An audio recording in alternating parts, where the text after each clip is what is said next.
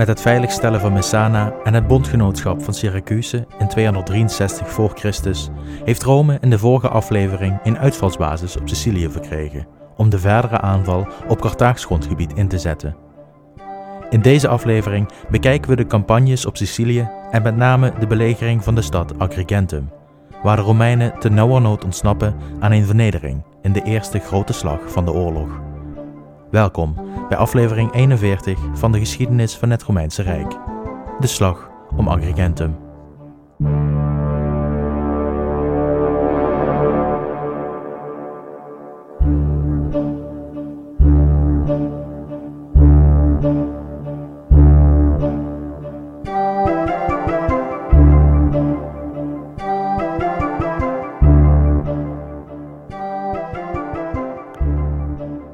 Het veiligstellen van Heroes bondgenootschap en het overeenkomen van de details van het verdrag was het oorlogsseizoen alweer ten einde. De termijn van de twee consuls kwam hiermee ook ten einde en zij trokken, tezamen met hun legers van 40.000 man in totaal, weer terug naar Romeins grondgebied op het Italiaanse vasteland. Het jaar liep inmiddels over naar het volgende, te weten 262 voor Christus, toen Rome met twee vers benoemde consuls besloot slechts één consul met consulair leger opnieuw de oversteek te laten maken naar Sicilië. In Rome was het doel van de oorlog al lang niet meer om alleen Messana te redden van de ondergang. Men had in het vorige jaar al besloten om Syracuse op de knieën te krijgen, wat inmiddels gelukt was. Maar nu, met een trouwe bondgenoot op het eiland en met in het vooruitzicht de mogelijke plundering van de rijke Siciliaanse steden, was het oorlogsdoel inmiddels verworden door het veiligstellen van het hele oostelijke deel van het eiland. Waarom kozen de Romeinen voor een voortzetting van de oorlog en waren zij niet tevreden met het veiligstellen van de grenzen van een republiek? Dit heeft te maken met verschillende factoren. Ten eerste de factoren die ik eerder aan u heb genoemd. Om toestemming te krijgen van de Senaat en het volk waren in het verleden beloften gedaan door consuls aan de patriciërs. Er zouden bergen aan rijkdommen vanuit Sicilië naar Rome verstuurd worden, geplunderd uit de rijke steden. En niet te vergeten, slaven, om de grote lappen grond te bewerken en de bouwprojecten in de eeuwige stad te kunnen voltooien. Dit was twee jaar na de start van de oorlog nog niet gerealiseerd. Rome had alleen Messana gered en Syracuse had zich vrijwillig bij Rome aangesloten. De overige steden aan de oostkust waren dermate klein dat deze zich ook vrijwillig hadden overgegeven aan de macht van Rome. En de steden die door geweld waren overgenomen, bezaten niet de rijkdommen die aan het thuisfront beloofd waren. De echte prijzen van de oorlog bevonden zich verder landinwaarts, in Carthaagse invloedssferen. Deze steden hadden inmiddels versterkingen ontvangen vanuit Carthago en zouden zich dus niet zomaar overgeven aan Rome. Ten tweede weet u dat Rome niet geïnteresseerd was in een vredesverdrag dat de status quo in stand hield. Rome tekent alleen vredesverdragen als de vijand verslagen is en akkoord gaat met voorwaarden die veruit voordelig waren voor Rome. Carthago had geen enkele reden om een dergelijk voor hen nadelig vredesverdrag te sluiten.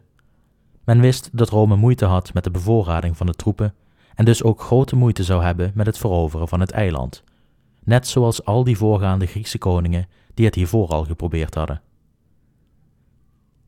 De uitgangspositie van Carthago was dus helemaal geen slechte, en er was geen noodzaak voor een vredesverdrag met de Romeinen.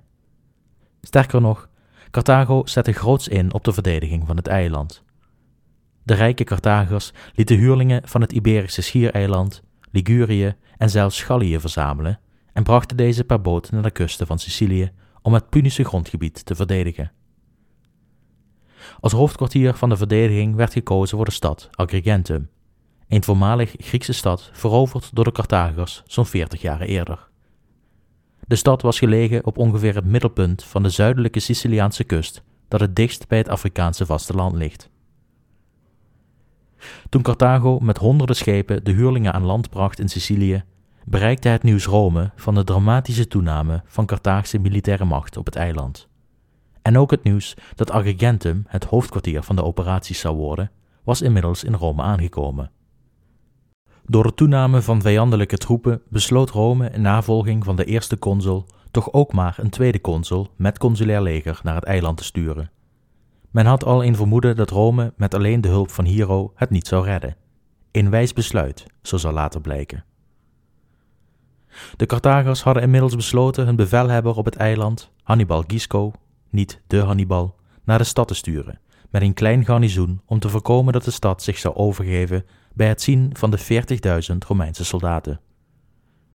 De Romeinen zouden er echter snel aankomen, en dus was het zaak om snel te zorgen dat de tienduizenden huurlingen zo snel mogelijk bij de stad zouden aankomen om deze te verdedigen. Dit vergde echter tijd, tijd die de Romeinen niet van plan waren te geven aan de Carthagers. Bij het vernemen van het strijdplan van de vijand kwam Rome direct in actie. Zoals gezegd werden er niet één, maar twee consuls naar het eiland gestuurd. Het doel was het belegeren en innemen van Agrigentum, een uitermate strategisch gelegen stad. Beide consuls trokken in 262 voor Christus vanuit Syracuse langs de oostkust op richting Agrigentum. De consuls waren Lucius Postumius Megellus en Quintus Mamilius Vitulus. Zij begonnen hun campagne ergens aan het begin van het oorlogsseizoen, wanneer precies weten we niet, maar de bronnen beschrijven dat de tijd van oogsten op het punt stond te beginnen. Het is dus waarschijnlijk dat de aanval rond mei, juni van dat jaar plaats heeft gehad. De tocht naar de stad zelf verliep zonder tegenstand. De Romeinen konden zonder slag of stoot tot een kilometer van de stad marcheren, waar zij een kamp opzetten en begonnen met het plannen van de belegering. Hannibal liet dit alles maar gebeuren, een opmerkelijk besluit van de bevelhebber. Het was namelijk in de oudheid gebruikelijk om, ondanks een eventueel numeriek overtal van de vijand, met een kleine troepenmacht uit de stad te breken om de vijand te verwelkomen met een kleinschalig gevecht.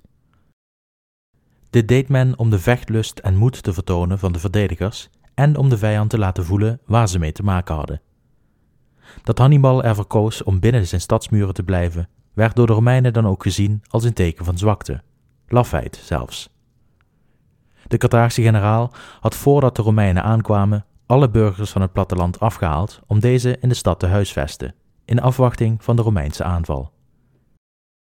Daar het oogsttijd was, had de stad de voorraadkasten goed gevuld en kon men in lange belegering weerstaan, terwijl de vijand al direct tegen de korte aan zou lopen. Althans, dat was het idee. Daarbij kwam ook nog eens dat de Carthagers wisten dat de verdediging van het land rondom de steden zinloos was. Dit moesten de Romeinen nog leren, omdat zij pas net kennis hadden gemaakt met het eiland. Maar de Carthagers hadden al eeuwen ervaring met de verdediging van Sicilië en wisten dus dat de steden de sleutel waren van de macht. Wie de steden bezat, bezat het eiland. Veel animo om uit de stad te breken voor een symbolische aanval was er dus niet. De belegering kon dus door de Romeinen worden ingezet. Ze stonden tegenover een stad die flink in inwoneraantal was gestegen door de belegering. Maar liefst 50.000 burgers zouden zich in Agrigentum bevinden ten einde van de belegering. Daar zaten behoorlijk wat inwoners bij van de omringende landbouwgronden. Maar alsnog, dit aantal duidt op een relatief grote stad. Het garnizoen in de stad was echter klein, en de Romeinen zouden dan ook geen probleem hebben de verdedigers te overmeesteren, als ze een manier zouden vinden de stad in te komen. Voor nu stonden ze nog aan de stadsmuren. De logistieke problemen staken alweer snel de kop op. Als ze zouden blijven bewegen over het eiland, hadden ze steeds nieuwe landbouwgronden om te plunderen om aan voedsel te komen. Maar nu bleven ze op één plek. En 40.000 monden eten binnen no time hele graanvelden leeg. Bevoorrading was dus een probleem. Niet vaak eerder hadden de Romeinen 40.000 troepen op één plek verzameld, en al helemaal niet aan de andere kant van een zee. Er moest dus voedsel verzameld worden, en snel. De consuls kozen ervoor om een overgroot deel van het leger, dat sowieso vooral uit boeren bestond, hun wapens neer te laten leggen om ver verspreid van het Romeinse kamp voedsel te verzamelen. Massaal trokken de Romeinen erop uit, met een taak die voor velen bekend voorkwam uit hun dagelijks leven. De enige Romeinen onder de wapenen waren de Romeinen die het kamp moesten bewaken. Hannibal keek het waarschijnlijk aan vanaf de hoge stadsmuren en zag dat wel een heel groot deel van de Romeinen, schijnbaar zonder besef van enig gevaar, uit elkaar trok om in kleine groepjes voedsel te verzamelen. Zo'n groot deel dat hij met zijn kleine garnizoen nog wel eens het vijandelijke kamp zou kunnen innemen. Terwijl de Romeinen volop bezig waren voedsel te verzamelen, braken de Carthagers onder leiding van Hannibal ineens uit de stad. Ze vielen de veelal ongewapende Romeinen rondom de stad aan die in paniek hun weg terug probeerden te vinden naar het kamp. Velen van hen zouden daarin niet slagen. De Carthaagse achtervolging kwam inmiddels aan bij het kamp, waar ze het eerste gewapende Romeinse verzet tegenkwamen in de vorm van de kampbewakers. De Romeinen die het kamp moesten bewaken hadden het zwaar in het gevecht met de Carthagers. Maar ondanks dat de vijand het verrassingselement had, wisten ze het kamp te verdedigen. Ze hadden gevochten als leeuwen en de Romeinen gered van een totale nederlaag. Hannibal trok zich terug naar de stad waar hij in tweede fase afwachtte. De Romeinen hadden de aanval te nauwernood weten te overleven door de vechtlust van die paar kampbewakers. Ze beseften zich nu dat ze te maken hadden met een vijand die men niet moest onderschatten. Er zou serieus worden ingezet op een belegering. Probleem was echter, hoe neem je een grote stad als Agrigentum in? In de oudheid waren er grofweg drie manieren om een stad te overwinnen. Ten eerste kon men de stad stiekem infiltreren. Hierdoor had men een Romeins gezind iemand nodig in de stad die een van de poorten zou openen voor de vijand, zodat zij het s'nachts de stad in konden sluipen en het konden overnemen. Rome had echter nog niet de naam en faam onder de Sicilianen, en in de verschillende steden waren er dus nog geen aanhangers van de Romeinse Republiek te vinden. De eerste optie viel dus weg. De tweede optie was het aanvallen van de stad. Dat wil zeggen dat men over, onder of door de muur van de steden moest geraken om de stad met geweld in te nemen. Echter zitten we nog in de tijd dat de Romeinen weinig ervaring hadden met het bouwen van grote belegeringsvoertuigen voor stadsmuren zo hoog en dik als die van Agrigentum. U weet dat Agrigentum een oorspronkelijk Griekse stad was, en als er één bevolking stadsmuren en verdedigingswerken kan bouwen, dan is het de Griekse wel. De oorlog op Sicilië zal de Romeinen veel bijbrengen over het bouwen van deze voertuigen, mede dankzij de kennis van Syracuse, die door de Griekse tradities al veel beter waren in het bouwen ervan. Maar voor nu was het nog onmogelijk voor de Romeinen, en dus moest er gekeken worden naar de derde optie: het blokkeren en omsingelen van de stad. Maar, zoals u weet, zijn veel steden op Sicilië kuststeden, met een haven, verdedigd door de sterkere Carthaagse vloot. Maar laat nu net het toeval zijn dat Agrigentum op een plateau gebouwd is, enkele kilometers landinwaarts. Geen haven dus, en dus volledig door een landleger te omsingelen. De consuls gaven het bevel de stad te omsingelen. Het leger werd weer aangevuld door troepen uit Rome of door auxilia uit Syracuse. Dat blijft een beetje in het midden, maar met 40.000 man werd de stad redelijk gemakkelijk omsingeld. De Romeinen begonnen direct met het bouwen van een inwaartse palissade, met grachten en verdedigingswerken om een nieuwe uitbraak uit de stad te voorkomen. Beide consuls lieten een kam bouwen van waar ze de omsingeling konden overzien. Naast de inwaartse palissade werd er ook een uitwaartse gebouwd, om te voorkomen dat bevoorradingsgroepen van de vijand door de blokkade heen konden breken. Met dit uitgebreide stelsel aan verdedigingswerken kon het wachten beginnen. Het zou een kwestie van tijd zijn voor het voedsel in de stad op zou raken en de stad zich vanzelf over zou geven. De bevoorrading van de Romeinse troepen was echter nog steeds een probleem. De Romeinen hadden geleerd van een eerdere nonchalante houding wat ze bijna de campagne gekost had. Er werden geen grote groepen op zoek naar voedsel gevormd. In plaats daarvan werd een beroep gedaan op Syracuse, die de Romeinen voorzag van graan en vee, zowel van eigen grond als uit import uit Italië.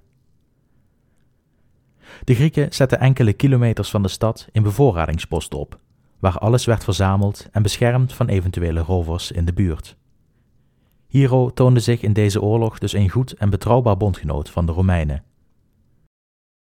De belegering duurde voort, en vijf maanden na de start van de omsingeling werd de vloer van de graanschuur in de stad langzaam zichtbaar. De tijd begon voor Hannibal te dringen. Met 50.000 monden die gevoed moesten worden, moest er snel iets gebeuren. Hoe is onduidelijk, maar hij wist in hulpoproep te sturen aan het Carthaagse gezag, die direct reageerde. Het grote leger aan huurlingen die zij hadden verzameld in de loop van het afgelopen jaar werd verzameld nabij Heraclea Minoa, een havenstad enkele tientallen kilometers ten westen van Agrigentum. Onder leiding van generaal Hanno kwamen hier 50.000 infanteristen, 6.000 cavaleristen en 60 krijgsolifanten aan op de kusten. Een leger dat gelijkwaardig of zelfs sterker was dan die van de Romeinen, in ieder geval in aantallen. Hanno, zoon van een andere Hannibal, trok vervolgens oostwaarts richting Agrigentum. Ik wil u overigens alvast waarschuwen voor de onoriginele namen van de Carthaagse generaals. U zult nog vaker de namen Hannibal en Hanno voorbij horen komen, en het is zelden dezelfde man. Hanno wist van de Griekse bevoorradingspost, en dit zou dan ook zijn eerste doel worden. Het kamp, dat slechts bewaakt werd voor rovers, werd compleet overrompeld en verrast door de grote aantallen Carthagers, en waarschijnlijk binnen enkele uren na de eerste aanval werd de voorraad ingenomen en de post vernietigd. De bevoorradingsroute werd afgesloten en de Romeinse situatie rondom Agrigentum verslechterde behoorlijk van de een op de andere dag. Bericht van het verlies van de voorraden bereikte de Romeinen snel en er ging een windvlaag van ongerustheid door de Romeinse rangen. Dit was precies het doel geweest van Hanno. Hij wilde de Romeinen in een benarde positie brengen, waarin ze roekeloos zouden proberen een einde te maken aan de blokkade van de bevoorrading. Hanno maakte gebruik van de nood van de Romeinen. Hij stelde zijn leger op voor het gevecht, maar stuurde zijn Numidische cavalerie een stuk vooruit om de eerste aanval in te zetten. Dit is de eerste keer in deze podcast dat u hoort over de Numidische cavalerie. Misschien heeft u er al eerder van gehoord, en dat is met goede reden. De Numidische cavalerie is namelijk een berucht en beroemde eenheid van licht bewapende ruiters die op zijn zachts gezegd heel erg goed waren in wat ze deden. Met name in hetgeen waar Hanno en later de Hannibal ze voor gebruikte, namelijk de hit-and-run tactiek. De Numibiërs waren zeer bedreven in de ruiterkunst, en door een lichte bewapening en hun snelle paarden waren ze een nachtmerrie voor iedere tegenstander. Ze vielen aan met een korte maar vurige agressie, waarna ze terugtrokken, hun achtervolgers afschudden of simpelweg doden, om vervolgens op een ander moment wederom toe te slaan. Hanno gebruikte hun snelheid voor ongeveer dat doel. Hij liet de Numidiërs aanvallen net zolang tot de Romeinse cavalerie het gevecht ingezogen zou worden, om vervolgens een terugtrekking te veinzen, in de hoop dat de Romeinen de achtervolging inzetten en een gemakkelijke slagpartij zou volgen. Het plan werkte perfect. De Numidiërs en Romeinse cavalerie vochten in korte periode toen de Afrikanen terugtrokken, met de Romeinse cavalerie volop in de achtervolging. Hanno wachtte tot precies het juiste moment, toen de cavalerie aankwam bij zijn val, en toen het moment daar was, liet hij de val dichtslaan.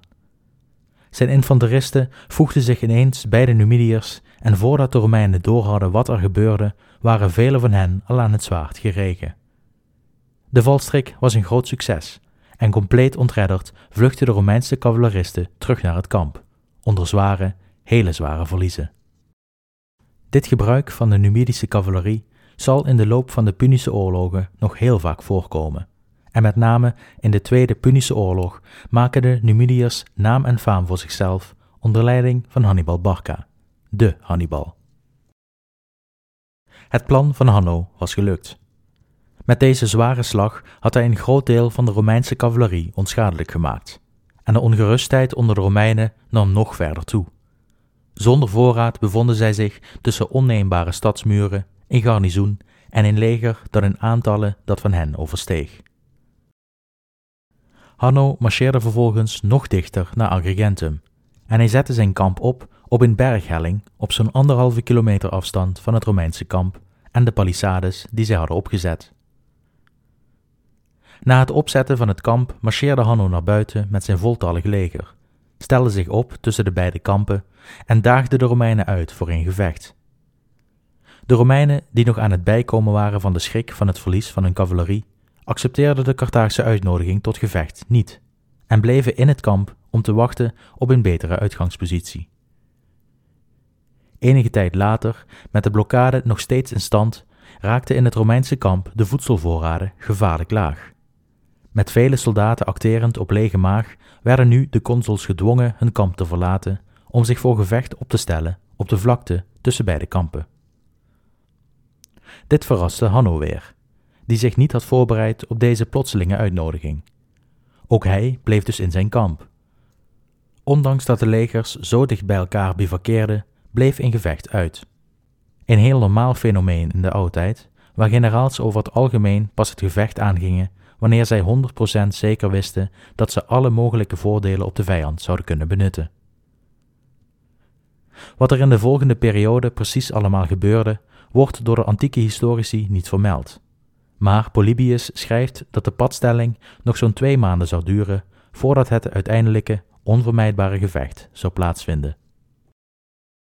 Het gevecht vond uiteindelijk plaats toen er met vuurpijlen vanuit Agrigentum aan Hanno werd duidelijk gemaakt dat het voedsel in de stad nu echt op was, en dat een doorbraak van de belegering niet langer op zich kon laten wachten. Eenzelfde situatie deed zich voor in het Romeinse kamp, waar de voedselschaarste hen dwong een einde te maken aan de Carthaagse blokkade van de Romeinse bevoorradingsroutes. Na twee maanden van wachten stelden de Carthagers zich als eerste op op de vlakte tussen beide kampen. Er zijn vele versies hoe de Carthagers zich opstelden voor het gevecht, maar we volgen in deze Polybius, die voor deze periode als meest betrouwbaar wordt gezien. De Carthagers zouden zich opstellen in twee linies. De eerste linie met een groot deel van de infanteristen en in de tweede linie de rest van de infanterie, de 60 olifanten en de cavalerie op de flanken. De tactiek van Hanno was vergelijkbaar met die van de Romeinen. Hij wilde de eerste linie gebruiken om de Romeinen te vermoeien, zodat de tweede linie later in het gevecht de genadeslag kon toedienen. De Romeinen stelden zich op in de gebruikelijke drie assen, met zoals jullie weten dezelfde tactiek van vermoeien met de eerste linie en toeslaan met de tweede en eventueel derde linie als nodig, zodat de eerste linie weer kon herstellen om de cyclus te herhalen. Het gevecht pakte echter heel anders uit dan Hanno had gedacht. Toen de eerste linies op elkaar klapten, hielden de Carthaagse huurlingen het niet zo lang vol als gedacht. De cohesie was simpelweg minder dan die van de Romeinen. Dit is te verklaren doordat het leger voor het overgrote deel bestond uit huurlingen van over de hele mediterrane kustgebieden. Ze spraken vaak verschillende talen en hadden verschillende vechtstijlen. Ze hadden nog niet eerder onder Hanno gevochten, en dit bracht vanzelfsprekend verwarring over de orders die Hanno hen gaf. Het Carthaagse leger had simpelweg onvoldoende ervaring met elkaar op het slagveld en er was onderling geen vertrouwen. Dit in tegenstelling tot de Romeinen, die al maanden onder dezelfde consuls dienden en die in vorige campagnes al meermaals tezamen hadden gevochten. Daarbij was iedere Romeinse soldaat getraind in het gebruik van de tactiek van de drie assen. En dus wisten zij hoe de Romeinse tactiek zou verlopen en dat ze konden vertrouwen op de soldaat naast, voor en achter hen. De cohesie gaf dus de doorslag. En doordat de Romeinen zo goed samenwerkten en als één optrokken in plaats van allemaal verschillende groepen strijders, kon er al snel een doorbraak geforceerd worden in de eerste gevechtslinie van de Carthagers. De eerste huurlingen wierpen hun wapens al neer om te vluchten, en toen dit door de andere mannen in de linie gezien werd, verloren ook zij het geloof in een goede uitkomst. Van het ene op het andere moment brak de linie uiteen en vluchtten duizenden huurlingen in paniek terug naar achter, langs en door de rangen van de tweede linie, die zelf ook langzaam maar zeker in paniek raakte door de chaos die de vluchtende huurlingen met zich meebrachten. Met name de olifanten, die aan alle kanten voorbij gesprint werden door een chaos vervallen soldaten, raakten onrustig. Hanno had ze nog steeds niet ingezet om de eerste linie te versterken, en dit is hem dan ook op veel kritiek komen te staan van latere historici. De paniek verspreidde zich als een virus door de Carthaagse gelederen, en ook de reservetroepen in de tweede linie braken de formatie en vluchtten voor hun leven bij het zien van het naderende Romeinse rood. De Romeinen zaten in hun element, en met de grootste wilskracht zetten ze de aanval door op de tweede linie, met het doel zoveel mogelijk Carthagers te doden. De olifanten bleken niet meer te gehoorzamen, en vele van hen vielen ten prooi aan de Romeinen. De slag werd door Rome gewonnen, en naar verluid zouden de Carthagers een behoorlijk deel van hun leger verloren hebben. En met name de olifanten werden ofwel gedood, ofwel gevangen genomen en ontmanteld door de Romeinen. Wat ook deel uitmaakte van het Carthaagse plan was dat Hannibal uit de stad zou breken tijdens het gevecht om de Romeinen in de rug aan te vallen.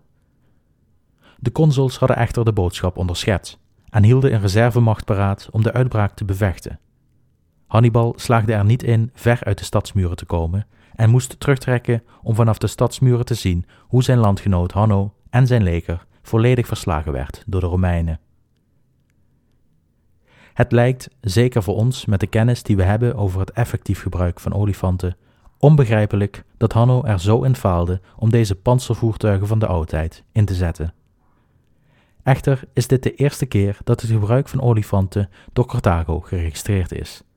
En dus is het best aannemelijk dat de Carthagers pas recentelijk gebruik maakten van krijgsolifanten en dus nog niet bekend waren met de juiste tactieken voor het gebruik van deze wapens. We weten immers dat Hanno zeker niet zomaar een generaal was, en dat hij wel degelijk in staat was tot grootse daden, zoals hij liet zien bij het gebruik van de Numidische cavalerie, iets waar de Carthagers overigens wel jarenlange ervaring mee hadden. Het is dus onterecht om het falen volledig op Hanno af te schrijven, daar hij simpelweg de kans nog niet heeft gehad om te experimenteren met het juiste gebruik van deze nieuwe wapens. Het gevecht was gewonnen en de belegering kon voortgezet worden. Maar eerst moest de overwinning op dit grootste Carthaagse leger gevierd worden. Die avond en nacht werd er behoorlijk gefeest in het Romeinse kamp. Zo behoorlijk zelfs dat de Romeinen hun aandacht voor de stad even lieten varen. Hannibal maakte dankbaar gebruik van deze feestelijke stemming, en met zijn garnizoen brak hij die nacht uit de stad, vocht hij zijn weg langs het geringe aantal bewakers bij de palissade en vluchtte hij door de nacht weg naar het oosten. Hij ontsnapte met het grootste deel van zijn garnizoen, en de volgende ochtend konden de Romeinen in alle gemak de poort van de stad openbreken om de stad in te nemen. De bevolking, 50.000 in aantal, hadden zich verzet tegen Rome en werden allemaal, mannen, vrouwen en kinderen, gevangen genomen en verkocht in de slavenhandel, waarschijnlijk voor het overgrote deel aan de patriciërs in Rome. De belofte van slaven werd hiermee ingewilligd. De stad zelf werd geplunderd en de rijkdommen werden verdeeld onder Rome en haar bondgenoten. Hero ontving een proportioneel deel van de opbrengsten, want hij had er alles aan gedaan om de Romeinen te voorzien in net voldoende voedsel om de padstelling te kunnen uitzitten. Met zijn eigen troepen had hij meer dan eens een doorbraak in de Carthaagse blokkade weten te slaan om zijn bondgenoten te kunnen bevoorraden met het broodnodige. Zonder Hero en Syracuse had het gevecht waarschijnlijk een heel ander einde gekend. De consuls kregen geen triomftocht. Daar was de campagne te slecht voor verlopen. Maar de inname van Agrigentum gaf de Senaat wel de realisatie dat het innemen van heel Sicilië wel eens haalbaar zou kunnen zijn. Zeker nu de Carthagers de uitvalsbasis van hun verzet en een strategisch punt verloren hadden. Wat de Senaat ook langzaam realiseerde, was dat voor de inname van het eiland een vloot nodig was. En als gevolg van hun plannen werd er gestart met het bouwen van een Romeinse vloot voor de volgende fase: de zeeoorlog en de inname van de kuststeden van Sicilië. De slag om Agrigentum was één van slechts vier grote veldslagen in de Eerste Punische Oorlog, ondanks dat de oorlog 23 jaar lang duurde. Dit heeft te maken met het feit dat het eiland alleen veroverd kon worden door het innemen van de steden. De topografie van het eiland, en met name Centraal-Sicilië, is zo ruig met gebergte dat een grote slag tussen tienduizenden troepen onmogelijk was. Daarnaast waren er tientallen steden, waarvan de meeste Griekse stadstaten waren of waren geweest, die in grote mate van autonomie kenden, zelfs onder Carthaagse gezag. Iedere individuele stad moest dus door de Romeinen veroverd worden en vervolgens voorzien worden van een garnizoen om te verzekeren dat ze loyaal zouden blijven. De grote aantallen soldaten die op het eiland gelegerd waren, trokken derhalve niet op als één groot leger, maar werden verdeeld over de vele forten en steden die het eiland moesten veiligstellen van de vijand en ervoor zorgden dat de Romeinse stad Romeins bleef. De oorlog Ondanks dat deze zich afspeelde over een groot gebied met grote belangen, bleef dus qua gevechten redelijk kleinschalig. In de komende jaren slagen de Romeinen erin om steden te veroveren door verraad van binnenuit of door omsingeling en uithongering. Ook de Carthagers gebruiken deze tactiek en vele steden wisselen van hand in de komende jaren. Maar er is wel een trend te zien waarin de Romeinen langzaam maar zeker steeds meer grip krijgen op het binnenland van Sicilië De kuststeden zijn echter een ander verhaal. Hiervoor moeten de Romeinen een vloot bouwen en dit deel van de oorlog gaan we bespreken in de volgende aflevering. Hierin bespreken we hoe de Romeinen de ontwerpen van Carthaagse schepen bemachtigen, hoe ze de schepen vervolgens in massaproductie nemen en hoe ze van een landleger zonder enige ervaring op zee ineens kundige bemanningsleden maken. We gaan wederom Romeins technisch vernuft zien in de ontwerpen van de schepen, wanneer ze erin slagen om hun ervaring als landleger in te zetten op zee, door iets dat de Corvus heet. En gaan we zien hoe Rome voor het eerst in haar geschiedenis zelfs de kust van Noord-Afrika aandoet met een consulair leger, klaar voor de mars en aanval op Carthago zelf, de hoofdstad van de vijand. Het is weer een langere aflevering geworden dan ik in eerste instantie gepland had, maar dat zal u niet erg vinden. Ik hoop dat u weer heeft genoten van deze aflevering en zoals altijd, bedankt voor het luisteren en tot volgende week, wanneer we met de Romeinen de zee op gaan.